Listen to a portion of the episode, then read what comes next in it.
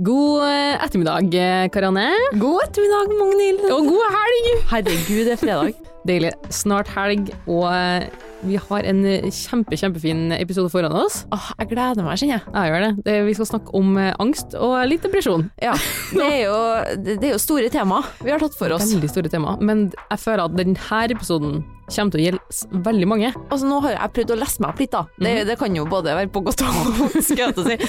Angster litt over min egen opplesning til det her. Så det er angst over angst. Litt, Ja, egentlig. egentlig. Men jeg kjenner at det er så viktig å ta opp, nettopp som du sier, fordi at jeg føler at det finnes så mye grader. Mm. Altså, jeg kan kjenne på en angst, litt sånn hverdagslig angst, men så hører jeg om folk som på en måte har en angstlidelse. Altså, hva er forskjellen på det? Det håper jeg at vi får svaret på i dag. Det håper jeg. Jeg har jo ganske sterk angst sjøl, men jeg har en veldig spesifikk angst. Jeg har flyskrekk og angst. Oi! 99% av gangene når jeg flyr, så begynner jeg å hylgrine inn i cockpiten. Nei! Sammen med resten av de rundt meg. Jo, jo, jo. Ja, men det er hyggelig, da. Sist gang jeg flydde var i fjor, eh, mm. høst, og mm. da for jeg fra Miami. Det er en ganske lang reise, egentlig. Så vi fant ut at det beste jeg og venninna mi skulle gjøre, at eh, jeg dro til fastlegen, spurte om en fin pillecocktail, og bare knocked me out. Oh my god. Altså ni timer på fly, det gikk strålende lett, for at jeg var ikke Men da sov du jo sikkert godt. Jeg sov, men greia at du kan ikke ta en pillecocktail eh, før du Altså når du skal fære til Oslo til Trondheim.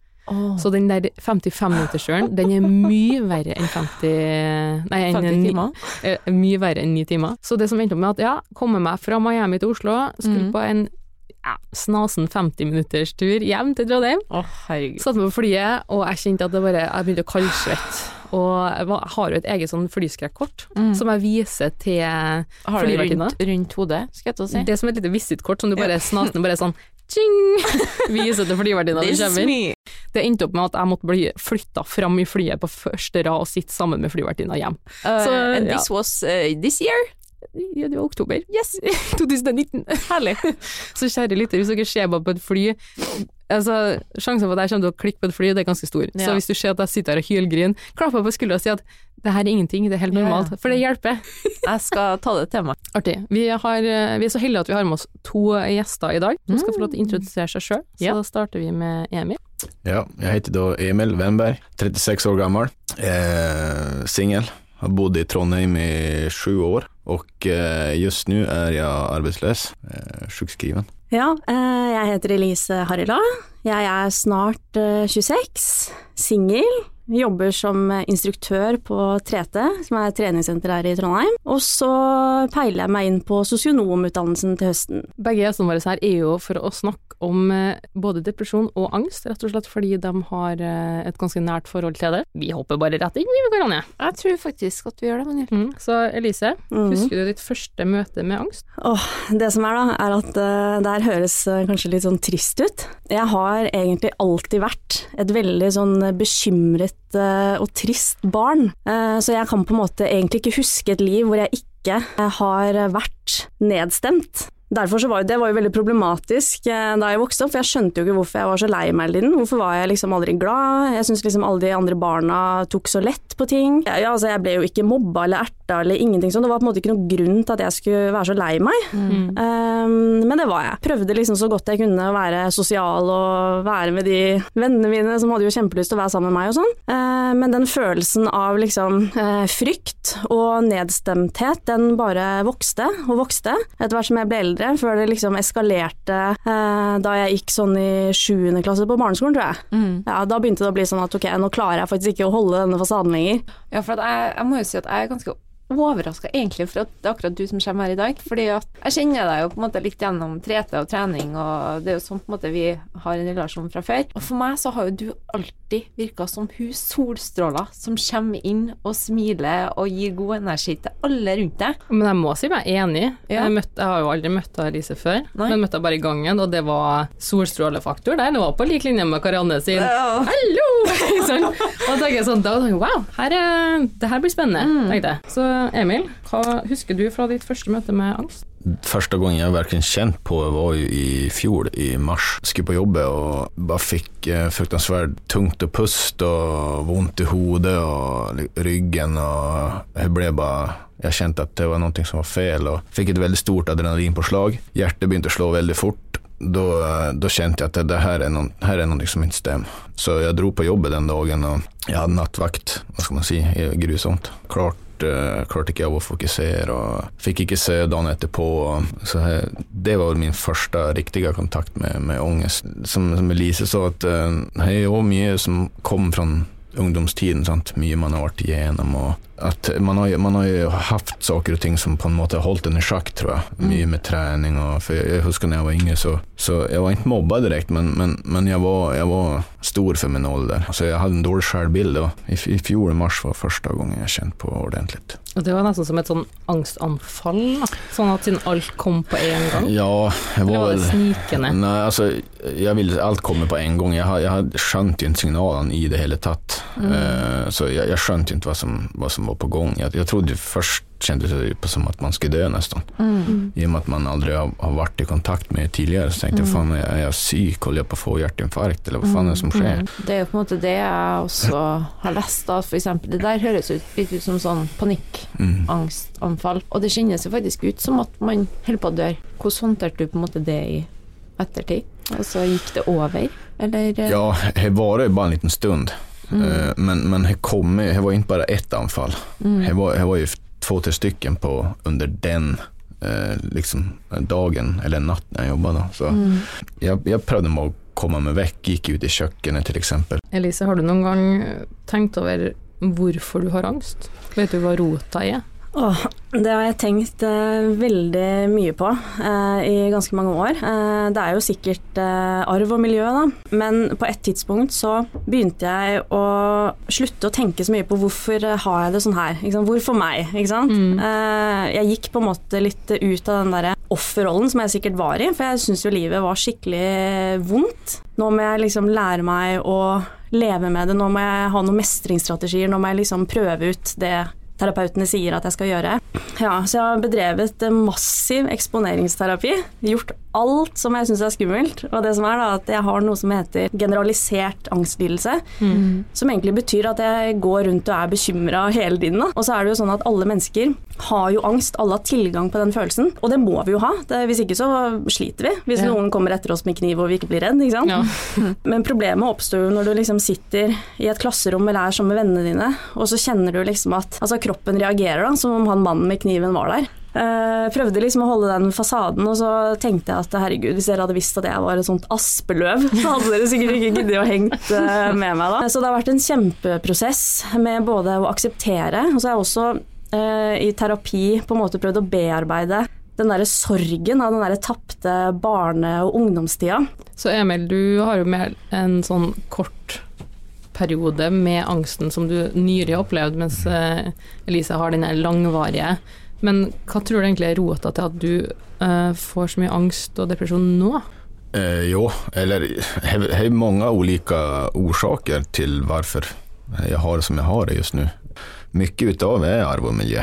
Eh, jeg har mye å gjøre med min pappa mm. og min eldste bror. Så helt klart arv og miljø, eh, familiære relasjoner, eh, dårlig selvbilde, og at jeg havner, jeg havner liksom utenfor Eh, komfort, eller ikke komfortzon, men, men, alle mine på en måte trygghet og, og, rammer som jeg hadde bygd opp for meg selv for å på en måte holde i sjakk underbevisst, forsvant når jeg begynte på det nye jobbet. Jeg, jeg klarte ikke å Jeg begynte å sove dårlig og liksom sånne saker, og jeg klarte ikke av å trene. Så hele min Jeg vet ikke hva man skal kalle det men allting bare raser sammen. Jeg klarte ikke å komme tilbake igjen. Mm. Så, så det er mye det som er årsaken til, til, at jeg er der jeg er da. Eh, er. Tror du det er for at du ser ting på jobb som du har opplevd selv? Kanskje en, ikke nødvendigvis opplevd, men jeg kan relatere til det. Mm. Og, og, det, det eh, Altså, når, når, når, du på en måte eh, Liksom kom i kontakt med følelser som må ligge og ulme over 20 år. Mm. Det blir jobbet. Ja. Mm.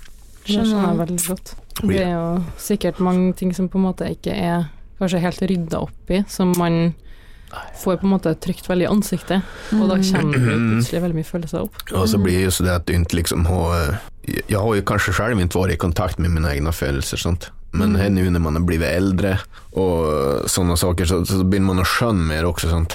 Jag har ju helt, många gånger funderat på liksom, vad, vad, är, vad är meningen med livet och sådana saker. Och, mm. och var det ganska djupt ner i, i, i hullet för att säga så. Mm.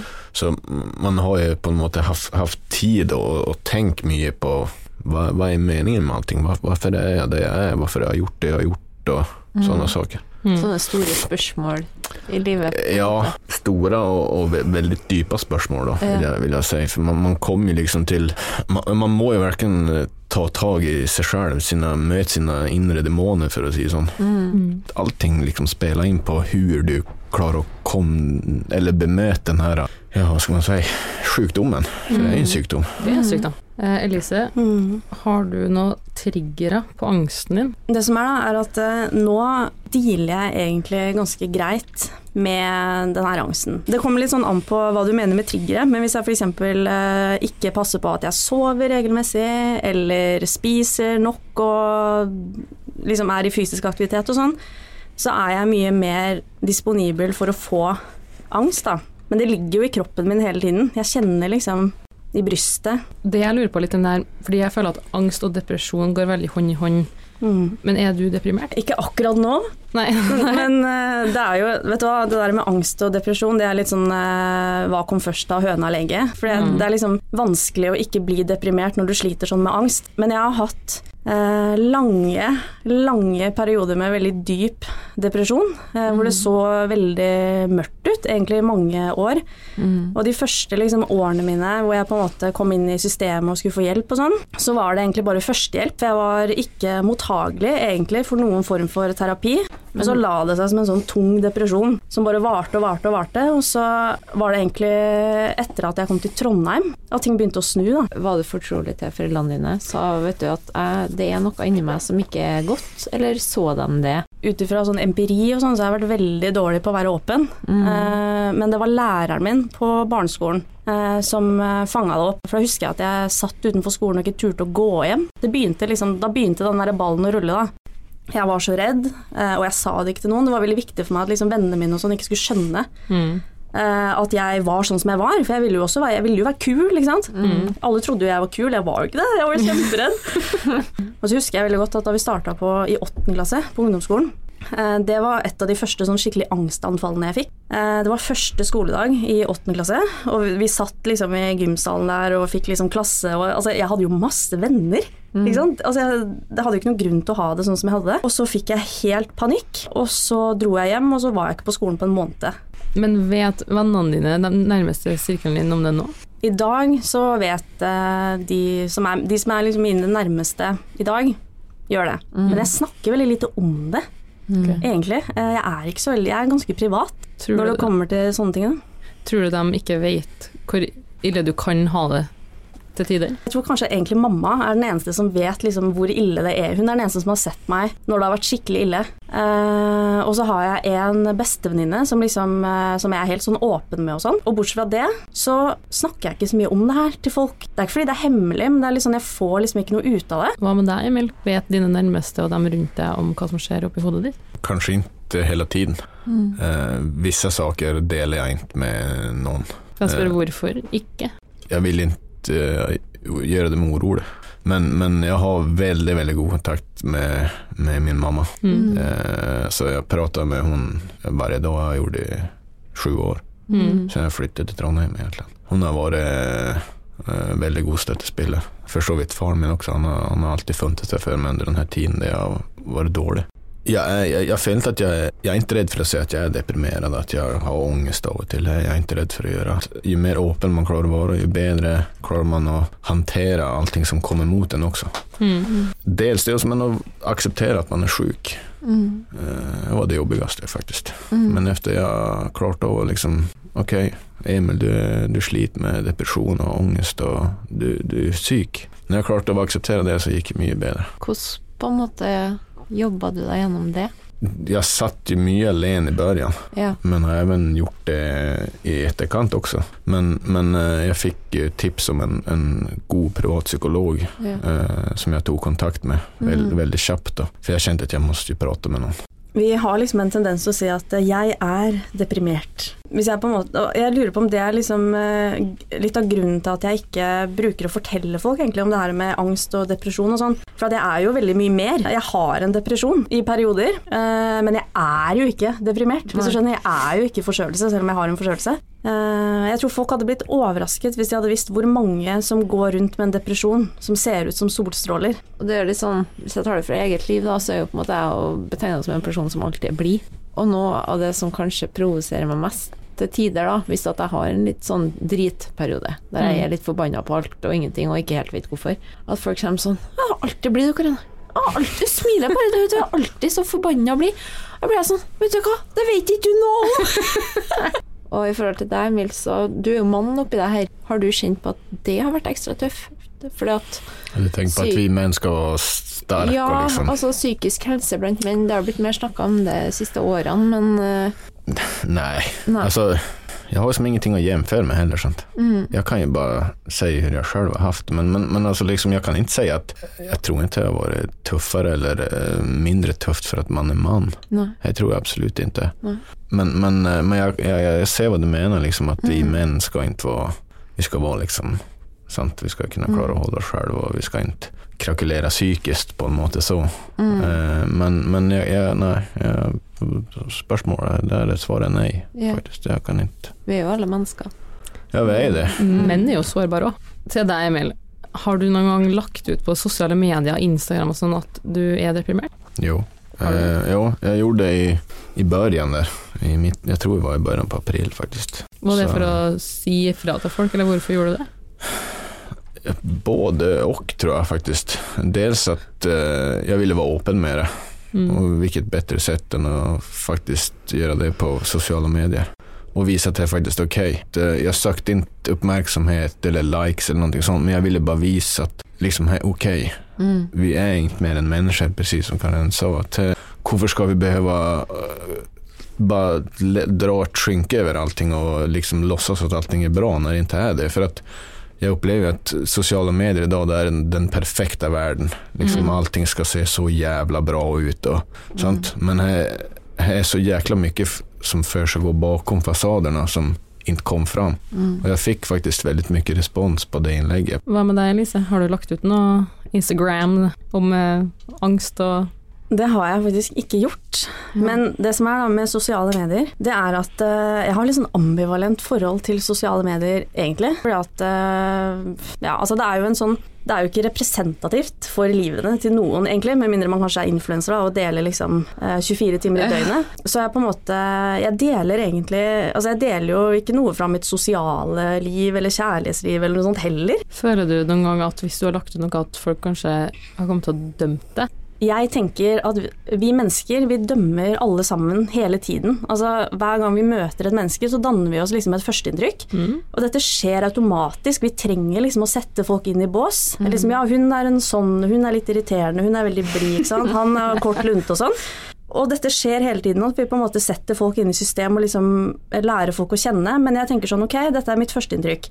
Det kan godt endre seg når jeg blir kjent med dette mennesket. Mm. Men jeg kan på en måte ikke noe for hva jeg tenker om en person. Og det er mange ganger jeg liksom har gått på bussen og møtt en sur kjerring og tenkt herregud, for en sur drittkjerring, ikke sant. Og så kan det hende at ja, og så kan jeg liksom tenke at eh, Og så tenker jeg ja, ok, men altså, hun er noens bestemor, ikke sant. Noen eh, tenker på hun som verdens varmeste person. Og poenget mitt da, det er at jeg tenker at sånn tenker folk om meg òg. Og det som er litt mindfuck da, å tenke på, det er at vi er jo et menneske, men i alle personer vi møter, så fins det en versjon av oss som er helt unik. Derfor så slapper jeg liksom litt sånn av med tanke på det her med dømming og hva folk tenker og sånn, for jeg kan ikke gjøre noe med det. Vi vet ingenting om andre mennesker med mindre de forteller oss det. Dere begge to har jo sagt at dere er single. Eh, Emil, hvordan er det å date når man på en måte sliter litt med angst og depresjon? Er det noe du nevner på first date, eller driter du bare i å date? Hvordan er ståa? Nei, det dejtar ikke Gjør det ikke det? Du er jo så kjekk! Ja, det Why not? Eh, Det tenkte jeg òg.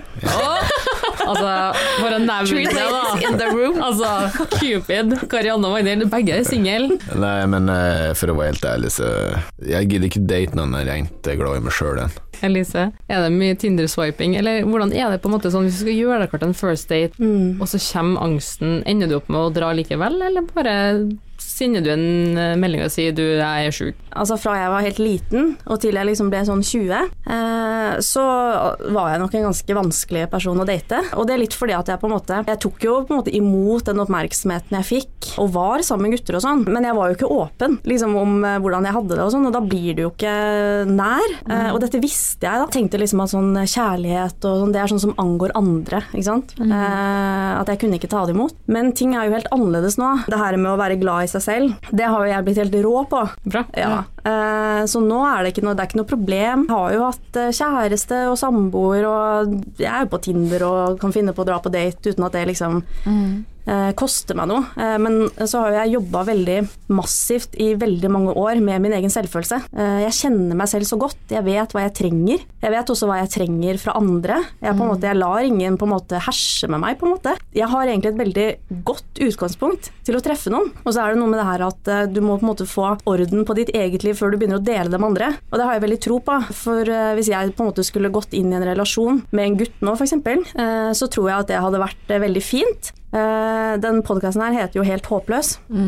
Og er det noe som er helt håpløst, så er det datingkulturen i Norge. I Agree. Amen! Jeg skjønner ikke at jeg har data så mye, men jeg har bare fått meg et inntrykk.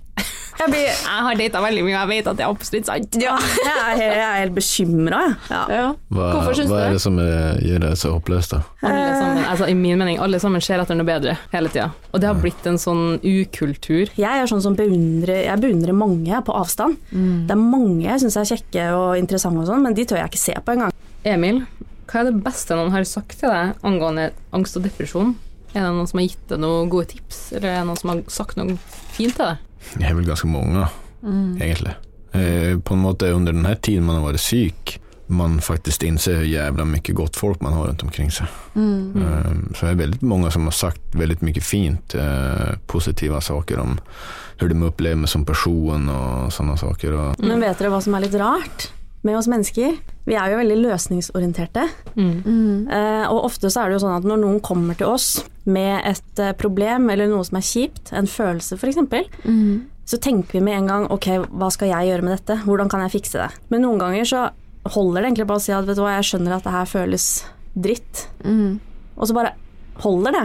Og så tenker jeg liksom også det her med at mange som eh, sliter psykisk, føler seg nok som en belastning. Men da jeg var yngre, så var jeg veldig redd for å på en måte fortelle eh, hvordan jeg egentlig hadde det til folk som var glad i meg. Eh, så det var på en måte Det ble veldig viktig for meg å snakke med noen som ikke brydde seg om meg. Få litt mer nøytral stemning, så at du ikke på en måte tømmer deg på noen kontinuerlig, og at de får den byrden oppå deg, sikkert. da. Jeg husker mamma sa til meg en gang at eh, Elise, eh, man er aldri lykkeligere enn sitt minst lykkelige barn. Oh. Og det traff meg rett straight in the feels. Ja, det trodde jeg godt. Hva er det verste noen har sagt til deg angående angst og depresjon? Nå er det jo f.eks. mye sånn snakk om at eh, alle sammen har angst. Ikke sant? Og at man må ikke på en måte blande det å være litt bekymra med det å ha angst og sånn, men så tenker jeg det er jo ikke Pain Olympics det her. Altså har du, har du vondt, så har du vondt. Jeg jobba veldig mye et år. Jeg hadde en fin stilling, og så fant jeg ut at nei, det her det, er ikke, det går ikke lenger. Og da satt jeg der med en sånn tomhetsfølelse etterpå. Jeg har egentlig aldri kjent noe på noe sånn spesiell angst, bortsett fra fylleangst. Da, da tror jeg det er kanskje nærmest jeg kommer panikkangst. Å, fy fader, hvor redd jeg var. For da var det sånn Jeg følte at jeg sto på bar bakke, hele verden bare rasa rundt meg. Jeg visste, altså, jeg visste ikke hvor jeg skulle hen, jeg hadde ikke snittet til å komme inn på den skolen jeg hadde lyst til. Plutselig sto jeg på bar bakke og, og hadde ikke noe ansvar lenger. Altså, den kvalmen og den uroen der, det, det kommer jeg aldri til å glemme. Mm. Og det, da ringte jeg mamma, og jeg hylskrek. Jeg bare sånn Nå dør jeg. Jeg føler meg så jævlig og alene. Og hun sa jo at «Men det er bare angst. Alle har angst. Det er helt normalt. Det er helt greit. Angst har blitt tatt opp så mye, og at man skal ikke snakke om at man har angst for at man skal ha respekt for dem som har en skikkelig psykisk sykdom, men det er så mange grader av det. Jeg er helt enig. Noe, hvis du ikke har noe å sammenligne med. Mm. Smerte er smerte. smerte. er Smerte, smerte. Mm. vi, vi reagerer jo alle ulike på en depresjon eller ångest også. Mm. Vi er så forskjellige som personer og som mennesker. Sant? Man skal være veldig forsiktig med å, å liksom, hva sier- hva skal man si, dømme døm folk. Og, mm. det jeg syns er verst med allting, er, er det når folk prøver å være en psykolog. Folk prøver å være psykolog. Folk liksom bare men du kan ikke, så her skal du gjøre, og sånt. Ja, ja, ja. Bare gjør det, så blir det bra. Og liksom Ta litt lett på Ja, det. liksom, for da, da føler ikke at de skjønner. De setter seg ikke inn i situasjonen, for de, de har aldri opplevd det sjøl. Få deg et nytt jobb, eller få deg familie eller kjæreste, eller hva som helst. Men liksom bare faen, da blir jeg bare tenkt sett det ned og hold kjeft. Vi blir så stressa når vi på en måte får høre hvordan folk har det. Det er nesten litt skummelt å spørre folk Ja, hvordan går det? Ja. Men vi vet jo aldri hvordan svar man kan få. Det er litt sånn, Jeg vet jo egentlig hva du har satt deg inn i nå. Det skjønte meg en gang jeg hadde hatt en gruppe til meg og sa ja, hvordan går det med deg? Nei, det går ikke så bra. Jeg visste ikke hvordan jeg skulle gjøre det. Jeg bare sånn, det var jo Men jeg tror det er også man skal være litt forsiktig med å, å spørre. For hvis du ikke er beredt på svaret, så det er kanskje best å være tyst. Ja. men det er jeg enig i. Men vet jeg, jeg reagerte litt på det du sa, jeg var, følte meg veldig enig når du sa at folk prøver å være psykologer, fordi folk som er sånn her fastfood-løsning til et, på en måte et stort problem. Så hvis du sier nei, det og det gjelder, og jeg sliter litt, og de, ja, men eh, gå deg en, gå deg en tur og hør på litt god musikk og spis, ta litt, få litt søvn. Ja. Men jeg tror ikke folk skjønner at angst og depresjon er noe som er ganske langvarig for de fleste, og det er ikke noe som en eh, tur i marka kurerer. Nei. Så man skal være forsiktig med å gi ut tips når man ikke er eh, faglært eller har slitt med det sjøl. Men det å på en måte si 'get over it' eller eh, noe annet teit, det, det syns jeg er unødvendig. For det, det reagerte jeg på, at det er mange som på en måte gjør det. Og er kommer sånn her, for det har jeg opplevd sjøl, å få slengt i sånn 'ja, men bare gjør det, så fikser det seg'. Så. Ja. ja. Du får hjelp av psykolog nå også, eller er det bare før? Eh, nei, jeg går fortsatt til psykolog, ja. ja. Mm. Men har du noen gang prøvd på medikamenter, medisin og sånn, eller kun prat? Eh, nei, jeg tar medisiner òg, ja. Og føler du at det Eh, hjelper? Sprøyte. Nei da, det er Altså, er det lov? Jeg gikk rett på det. Å ja, ok. Eh, Nei, nå, altså jeg går egentlig på en ganske lav dose. Eh, Så jeg har faktisk eh, tatt eh, antidepressiva ja, helt siden jeg gikk i 10. klasse på ungdomsskolen. Jeg har prøvd å slutte for å sjekke, liksom. Det gikk ikke bra, da ble jeg veldig deprimert. Det er veldig mye man kan gjøre for å på en måte ha det bra, og på en måte legge forholdene godt til rette for å ha et stabilt og godt eh, humør. Da. Blant annet det her med å spise sunt og drikke vann og få luft og liksom døgnrytme og fysisk aktivitet og sånn. Det har egentlig veldig mye med psyken å gjøre. Mm. Hva med deg, Emil? Eh, Er det prating og terapi, eller har du behov for medisiner i tillegg? Bare prating og gå til psykolog. Jeg skal på DPS her nå på Nidaros i begynnelsen av februari. Ikke noe større fan av medisiner. Jeg har fått forslag om at jeg skulle prøve, men jeg har sagt at uh, nei. Jeg sa, da, da har jeg heller mine daler og mine topper. Og det er bare liksom bare, De der jeg ikke føler for å gjøre noe, da gjør jeg ikke det. Da sitter jeg hjemme. Jeg kan være en uke iblant jeg sitter bare i leiligheten og ikke gjør en dritt. Spiller mye TV-spill, men ja, ja. Det må være lov. Ja, men, eh, bare f- som du sier, prøv å komme i gang med treningen igjen. Prøv å spise litt bedre. Det hjelper ikke at man går opp i vikt heller. Man får Nei. et bedre selvbilde. Sant? Man har veldig mye bra folk rundt omkring seg. De jeg trener med sammen på Dora, er fantastiske. Altså, de er som min andre familie på MMA-en. Eh, Helt, helt fantastisk. Han er jo den slåsskjempen han, Emil. Er Det bare å se på Instagramen ja, nei, jeg må ta meg en titt der. Jeg ville ikke ha møtt han i en mørk bakgård fra og han, for å si det sånn. Da får du han på tygga. Eh, vi er nok kanskje de mest uh, ydmyke mennesker som finnes, faktisk. Ja. Ja. Nei, men de har hjulpet meg veldig, veldig mye. Alle, alle som jeg trener sammen med der, har, har støttet meg jettemykke og jeg har vært helt eh, Jeg kan ikke beskrive hvor mye av dem, dem betyr for meg. Eh, Emil, kan du fortelle oss en historie der du følte deg ganske så håpløs? jo, jeg har mange historier. Kan jeg ta den seneste? Eh, der jeg var Da følte jeg meg skikkelig håpløs. Eh, jeg var faktisk i tirsdags. Nå sånn på tirsdag. Eh, nei, men jeg hadde en, en god Eller en venn som jeg møtte i, i byen og spurte om jeg hadde lyst til å komme ut og ta en pils med han. Ja, sa han, kan jeg gjøre det? Så jeg for ned på, på Vi møttes på Macbeth, og så satt vi der og surra. Så han bare ja, men jeg har jo bursdag da. Så ble det noen til pils. Så havnet vi på Sirkus, og der ble vi noen sånne Hiroshima. Oi, oi, oi. Det går aldri bra. Sen da havnet vi på Ramkroa, Ja. på Dreams. Oi, oi, oi. Nei. Bad Ja. boys. Fy faen, jeg våknet på morgenen, jeg våknet med sånn jævelsk angst. Oh. Jeg tenkte på det, Men det var fylleangst. Det var det fylleangst. Oh, ja, men jeg var angst eh, annet da, for Alt. Ja, jeg var bare alt på en gang. Da hadde jeg eh, tatt fram kredittkortet og tykte meg over kongen. Make it rain! Sjekka du konto, Ja, jeg sjekka, jeg sjekka kontoen. Jeg er ikke noe jeg er stolt av. Ditt kortet klipptes. Det er en sånn situasjon som kan gjøre at du blir satt tilbake i noe jævlig. Men jeg tenkte mer sånn, ok, det som er Hadde vært for Hadde vært for eh, Ja, men i somras, Ja. da, da, da, da vet jeg ikke hva jeg har gjort. Nei. For det var så dypt ned i skiten at det var Mm. Men nå nå tenk- nå må jeg mye bedre, så da tenkte jeg bare ok, faen. Ok, helt par tusen lapper. Mm. Jeg, jeg, En, har ingen som har dødd. Nei.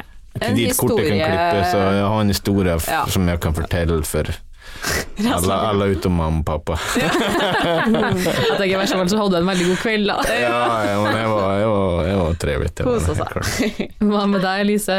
Når har du vært eh, helt håpløs? Jeg tenkte jeg skulle fortelle én historie fra da jeg bodde på Nesodden. Nei, jeg var sikkert eh, 15, 15 år, kanskje. Jeg hadde jo angst, da, ikke sant? og da handler du ikke alltid rasjonelt. Men uansett, det var midt i sommerferien, sikkert 30 grader ute, og så skulle vi en tur på butikken, og da skulle jeg være med, men det var veldig viktig for meg at ingen skulle se meg, og da tok jeg på meg svær joggebukse, svær hettegenser, og så tok jeg på meg sånn hals, du vet sånn som 30 grader? ja, ja, og så tok jeg på meg sånn hals. skjul deg, liksom. Ja, og slalåmbriller. Og hette. Og så kommer jeg ut og skal sette meg i bilen, og mamma og søsteren min bare ok. Så jeg bare, ja, så jeg bare Jeg vil ikke ha noe oppmerksomhet, sa jeg. Og de bare Ok, hvis du bare hadde sittet i en sommerkjole, så er det ingen som hadde sett på deg, men nå kommer du til å få masse oppmerksomhet. Folk kommer til å se på deg, liksom. Du Ja. driter deg ut. Jeg bare Du tenkte ikke den tanken? Nei, jeg bare tenkte at ja ja, men de kommer jo til å se dette vesenet, men de vet jo ikke at det er jeg som er inni. Så da gjorde det liksom ikke noe, da. Og når jeg tenker på det, tenker jeg herregud, så håpløst. Det så jo ut som jeg skulle på Antarktis, liksom. Men, eh, ja. Det jeg syns er veldig spennende, at du, vi har to gjester som jeg syns er veldig attraktive begge to. Veldig Ja. pene, flotte mennesker som har veldig sånn fin utstråling. Du skulle aldri gjette at de to sliter med noe på baksida. Og tenker jeg, vi aner ikke hvem de gjelder når vi går forbi dem på gata. Det kan være dama i kassa som alltid smiler, men hun kanskje bare klistrer på for at hun er på jobb, og Karianne som er gruppeinstruktør. Ja, nei da. Ja, men sånn seriøst, da. Ja. Det er ikke alltid Frida fryd og gammen heller. Så sånn er det. Men, men eh, jeg har et spørsmål til, til alle sammen. Liksom. Jeg personen føler meg veldig veldig vilsen i større byer. Vilsen. Altså alene. Kan dere føle når dere er på byen, f.eks.? For, eksempel? for jeg, jeg kan føle at når jeg er ute og går bare, Når jeg gikk hit, eksempel, så kan jeg føle Når jeg ser en person, da kan jeg tenke at om de ikke er Man ser på øynene deres og at de har dårlig Kan dere føle sånn liksom at dere bare skulle ville stand av en person og gi dem en klem? Jeg er veldig var på sånn energi og sånn. Eller Ja. sånn, jeg kjenner fort Du kan kjenne fort energien. Men for eksempel på Elise, hadde ikke anelse. Jeg er ikke den personen til å stoppe folk på gata, selv om jeg er veldig en sosial, et sosialt menneske sjøl. Og jeg er aldri redd for å snakke med mennesker, men jeg er ikke den første som Jeg tror ikke jeg ville vært den første som har tatt tak i noen og bare 'hei, du, hvordan går det?' Med mindre jeg på en måte har sett at de har strigrått eller Ja, skjedd noe alvorlig eh, noe galt. Men, men det du snakker om ensomhet, da. Eh, jeg kan ærlig innrømme at jeg føler meg ensom hele tida. Ensomheten kan svelge meg til tider òg, sjøl om på en måte jeg er sosial, jeg er på trening nesten hver dag, ser folk, men det er ofte at jeg kjenner på den der ensomheten. Men, men føler dere at eh, samfunnet har blitt sånn at vi lever av liv gjennom sosiale medier. Det som er litt rart, da, så er det det at de som jeg er aller mest sammen med, de syns ikke på mine sosiale medier. Og de bruker heller ikke å like eller kommentere bildene mine i det hele tatt, så på en måte det er ikke representativt i det hele tatt. Jeg prøver å være litt reflektert, da, og så begrense den tida jeg bruker på å scrolle gjennom sosiale medier, for det, det gir jo ingen god følelse. Nei, men jeg jeg er faktisk helt enig. Eh, sammen med bildene mine også. Jeg er jo ganske lik deg. Eh, jeg er veldig privat, selv om jeg på en måte deler mye pod. Jeg legger ut masse på Instagram, men det er kun informasjon som jeg velger å dele. Og det. er 10% av hvem jeg faktisk er, og hvordan jeg har det. Så det er mange ganger hvor jeg har møtt folk som jeg ikke har møtt på fem år, sånn som Ja, jeg ser nå du holder på på sosiale medier, og ser på Instagram, og Så de føler på en måte at de har, de har, for, de har fått vite nok om meg til å kjenne meg, Ja. men det er ofte at jeg tenker sånn at Du kjenner meg ikke. ja, at de ser hva du har gjort de siste fem årene. Men det er jo ikke sånn. Det er jo ikke det. Og sånn som du kommenterer på, Elise, at dine nærmeste ikke liker alle bildene dine og sånn, og jeg har helt likens de som kommenterer mest på bildene mine, er folk som jeg aldri har møtt. Hva slags tips Emil, vil du gi til en person som sitter midt oppe i stormen nå, som sitter med et angstanfall, som har det ganske fælt? Hva slags tips vil du gi dem? Ta lung. lugnt, pust, eh, søk hjelp. Man skal ikke ta lett på det. Drit i hva alle andre tykker og tenker. Når det er skikkelig, skikkelig ille, hold ut. Det går over, du dør ikke. Eh, altså, jeg skulle bli 20 år før jeg på en måte kjente på glede. Så jeg holdt egentlig ut i 20 år og stolte på de rundt meg som sa at det her kommer til å gå over. Og jeg har aldri hatt det så bra som jeg har det nå, og jeg har det bra hver dag, altså.